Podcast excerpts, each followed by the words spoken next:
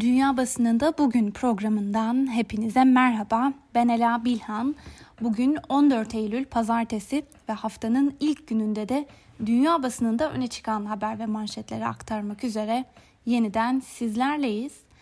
Bugün bültenimize sıcak bir gelişmeyle başlayalım.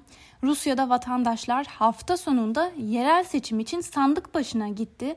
Birleşik Rusya Partisi için bir test niteliği taşıyan bu seçimler popülaritesi düştüğü söylenen Putin'in gücünü yeniden kanıtlaması için kritik bir önemdeydi.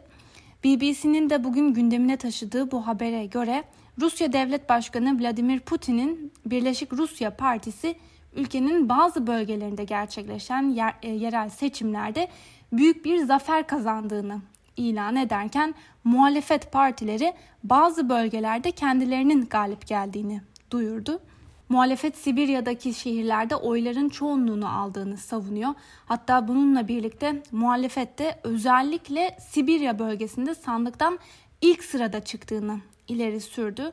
Rusya'da seçim kurulu yetkilileri Alexei Navalny'nin zehirlendiği Tomsk şehrinden Navalny'e yakın iki kişinin seçimi kazandıklarını açıkladı. Moscow Times'ın da gündemine oturan bu habere göre bölgedeki farklı kaynaklardan ise birbirleriyle çelişen rakam ve bilgiler geliyor. Örneğin bağımsız izleme grubu Golos, gözlemcilerin seçimle ilgili belgelere ve yetkililere ulaşan şikayet dilekçelerine erişimlerinin kısıtlandığını, seçim sandıklarındaki gerçek oylarla sahte pusuluların değiştirildiğini söylüyor ve Euronews'un aktardığına göre de politik analiz firması başkanı Tatyana Stanovaya oylamanın sonucuna göre iktidar partisi Birleşik Rusya'da reform yapılması gerektiği gündeme gelebilir yorumunu yapıyor. Rusya'daki yerel seçimlere değinmişken Belarus'a ilişkin bir haberi de sizlere aktaralım. Belarus'ta pazar günü yani dün devlet başkanının istifa etmesi talebiyle şimdiye kadarki en büyük protesto gösterilerinden biri düzenlendi. Reuters ve AFP haber ajansları başkentte en az 100 bin kişinin toplandığını duyurdu ve öbür taraftan e, bugün Rusya Devlet Başkanı Vladimir Putin ile Belarus Devlet Başkanı Lukashenko'nun Soçi'de görüşmesi bekleniyor. Reuters'ın aktardığına göre Moskova'nın Minsk'e vereceği askeri ve ekonomik destek dengeleri Lukashenko lehine değiştirebilir. Kulislerde ise Putin'in 26 yıldır iktidarda olan Lukashenko'nun devrilmesini istemediği de konuşuluyor. Bu iki haberin ardından e, Amerikan basınında öne çıkan haberlere de göz atalım. ABD'nin batı yakasındaki 3 eyalet Oregon, Kaliforniya ve Washington'da orman yangınları 3 haftadır devam ediyor ve Voice of America'nın aktardığına göre Amerika'da yetkililer ülkenin batı eyaletlerinde etkili olan orman yangınları nedeniyle hayatını kaybedenlerin sayısının 30'u aştığını belirttiler. Sadece Oregon eyaletinde onlarca kişi kayıp, ölü sayısının artmasından da endişe ediliyor. Yetkililer eyaletin çok fazla can kaybına hazırlıklı olması gerektiğini belirtiyor ve alevler milyonlarca hektar alanda etkili olurken binlerce evde kül oldu. Cumartesi günü kaydedilen verilerle birlikte Kaliforniya'da bu yıl geçen yılın 26 katı alan yanmış oldu ve bu haber bugün New York Times'ın da gündeminde gazetenin aktardığına göre itfaiye ekipleri bu kez de ülkenin batı kıyılarını etkisi altına alan rüzgarlara hazırlanıyor. Havayı büyük oranda temizleyecek olan bu rüzgarlar ne yazık ki yangının yayılımını da hızlandıracak ve Washington Post gazetesinden Julie Parrish yangınları şu sözlerle değerlendiriyor. Kötü düşünülmüş ve başarısız olan orman politikaları ve siyasi kayıtsızlık Oregon'un orman yangınlarını ateşledi. New York Times gazetesinin konuya ilişkin Kaliforniya'yı ziyaret eden Trump reddettiği bir bilimsel gerçekle yüzleşiyor başlıklı bir e, yorum paylaşmış. İklim kriziyle alay eden ve iklim krizini hızlandıran politikaları destekleyen hatta teşvik eden bir başkan uzmanların tahmin edilebilir sonuçlar olduğunu söylediği şeyler hakkında bilgilendirilmeye hazırlanıyor. Gazetede öne çıkan bir diğer yorumla devam edelim. New York Times'tan Charles Blow bugünkü köşe yazısında şu ifadeleri kullanmış. İyi insanlar harekete geçmediğinde kötülük hüküm sürer. Artık dünyada hüküm süren dehşetin kendiliğinden çözüleceğini düşünmeyi bırakın. Amerikan basınında çok konuşulan bir diğer haberi de sizlere aktaralım. ABD'nin Los Angeles kentinde polis aracına silahlı saldırı düzenlendi ve iki polis ağır yaralandı. ABD Başkanı Donald Trump ise polisler hayatlarını kaybederse katil için hızlı bir yargılama ile idam verilmeli ifadelerini kullandı.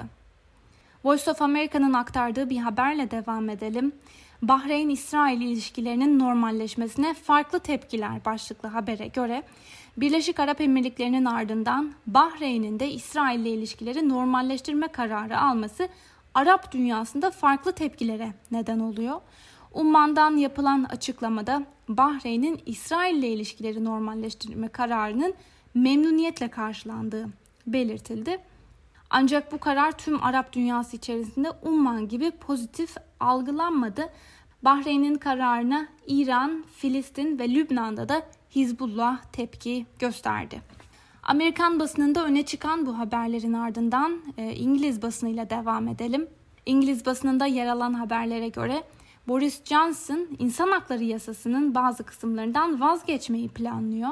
Buna göre Johnson'ın yasanın sığınmacıların sınır dışı edilmesini durdurmak ve Britanyalı askerlerin yargılanması için kullanılmasını engellemenin yollarını düşündüğü söyleniyor.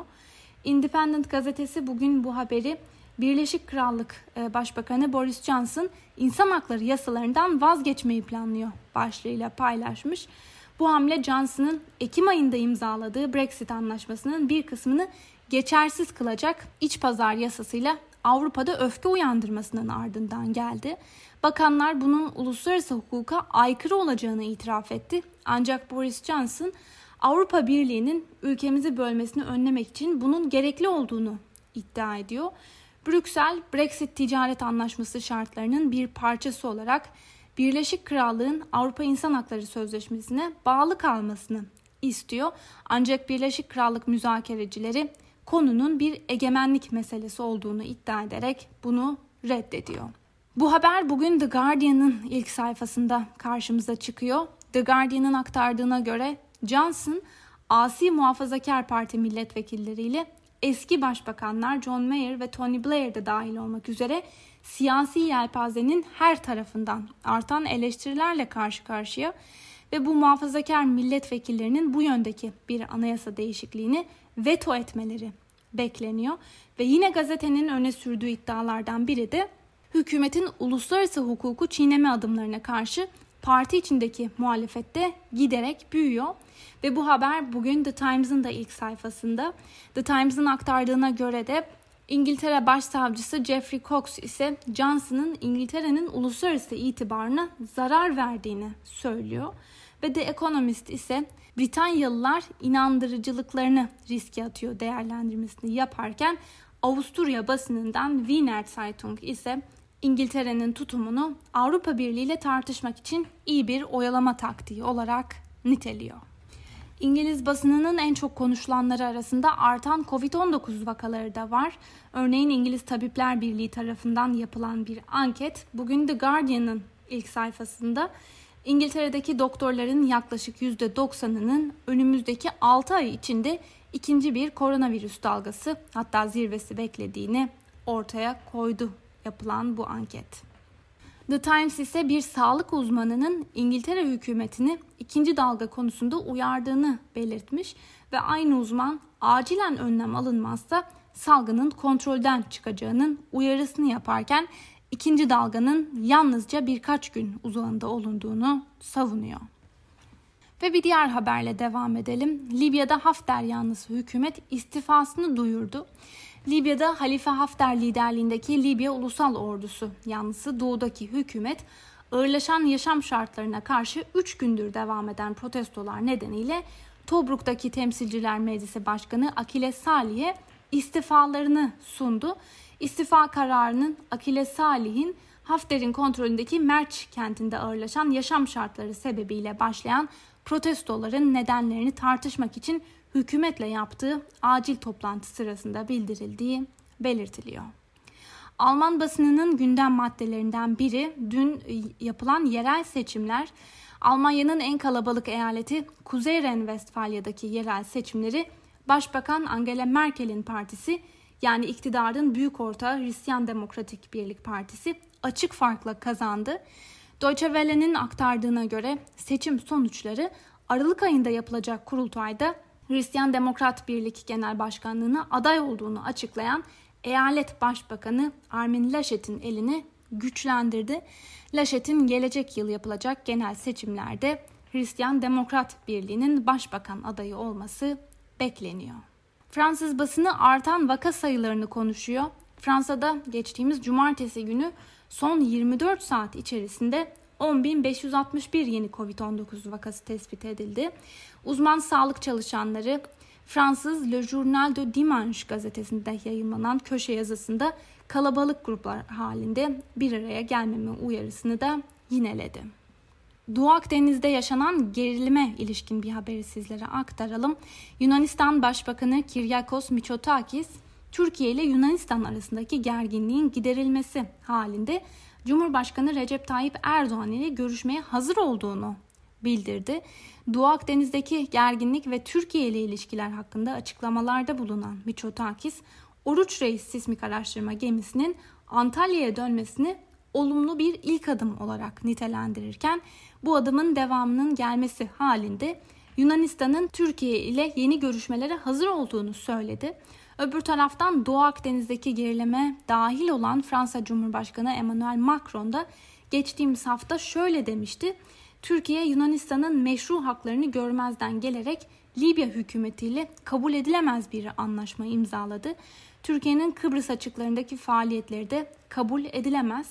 Aynı zamanda büyük bir devlete yakışmayacak provokasyonlarda söz konusu. Türk halkı büyük bir halk ancak biz Avrupalılar artık Erdoğan hükümetine karşı daha açık olmalıyız. Ve bugün ise Yunan basınından Neftan Poriki gazetesi meseleyi şöyle değerlendiriyor. Emmanuel Macron'un cuma günü bir kez daha Atina'yı destekleyip Ankara'ya karşı çıkan müdahalesi gerek Yunan delegasyonunu gerekse Yunanistan'daki kamuoyunu derinden memnun etti. Ancak Atina Paris ile yeni tanımlanmış bir ortaklığa üzerinde düşünmeden girmemeli. Bu yorumun ardından Moria kampında çıkan yangına ilişkin bir haberi de sizlere aktaralım. Kampta çıkan yangın sonrası 12 bin sığınmacının sokakta kaldığı Midilli adasında 300 kişilik yeni bir çadır kamp kuruldu.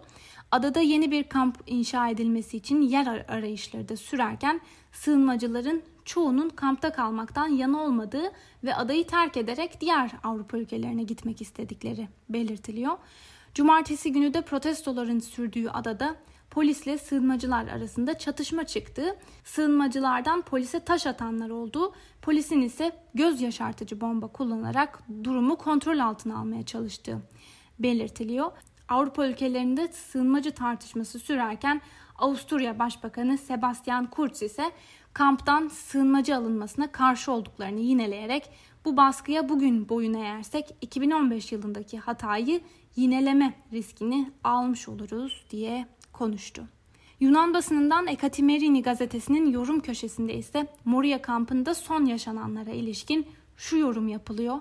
Salı gecesi Moria kampının yanmasının ardından yalnızca birkaç mülteciye ev sahipliği yapmayı teklif eden bazı Avrupa ülkelerinden sembolik jestler geliyor. Eğer bu teklifler farklı koşullar altında gelseydi memnuniyetle karşılanırdı. Ancak şimdi şartlar farklı. Bu kez daha önce yapıldığı gibi mülteci krizinde yalnız bırakılmamalıyız. İsrail basınının bir numaralı gündem maddesi ise salgında ikinci dalgaya karşı uygulanacak karantina önlemleri. Times of Israel ve Haaretz'in de bugün gündemine taşıdığı bu habere göre İsrail'de koronavirüs vaka sayılarının artışa geçmesi nedeniyle 18 Eylül Cuma gününden itibaren 3 haftalık bir karantina uygulanmasına karar verildi. Karantina kuralları kapsamında marketler, eczaneler ve fırınların dışındaki işletmeler ile okullar kapalı kalacak. Hindistan artan vakalar karşısında artan endişeleri ve hükümetin aldığı yeni önlemleri konuşuyor. Koronavirüs sebebiyle son bir ayda günde ortalama bin kişinin öldüğü Hindistan'da Sağlık Bakanlığı özellikle yaşlı insanlar ve yüksek risk taşıyan mesleklerde çalışan kişilerce kullanılmak üzere COVID-19 aşısı için acil durum onayı verebileceğini açıkladı. Ve son olarak Çin basınından Global Times'ta öne çıkan bir yoruma göz atalım. Kıskanç ABD koronavirüs salgınını durdurmak istiyorsa söz söylemek yerine eyleme geçmeli. Batı medyası salgının ortasındaki başarısızlıkları karşısında kendi demokratik sistemlerinin üstünlüğünü zar zor da olsa kanıtlamaya çalışırken uyuyor gibi yapan ve uyanmayı reddeden birilerine benziyorlar. Sevgili Özgürüz Radyo dinleyicileri, dünya basınından aktardığımız bu haber ve yorumların ardından bugünkü programımızın da sonuna geldik. Yarın aynı saatte görüşmek dileğiyle Özgürüz Radyo'dan ayrılmayın. Hoşçakalın.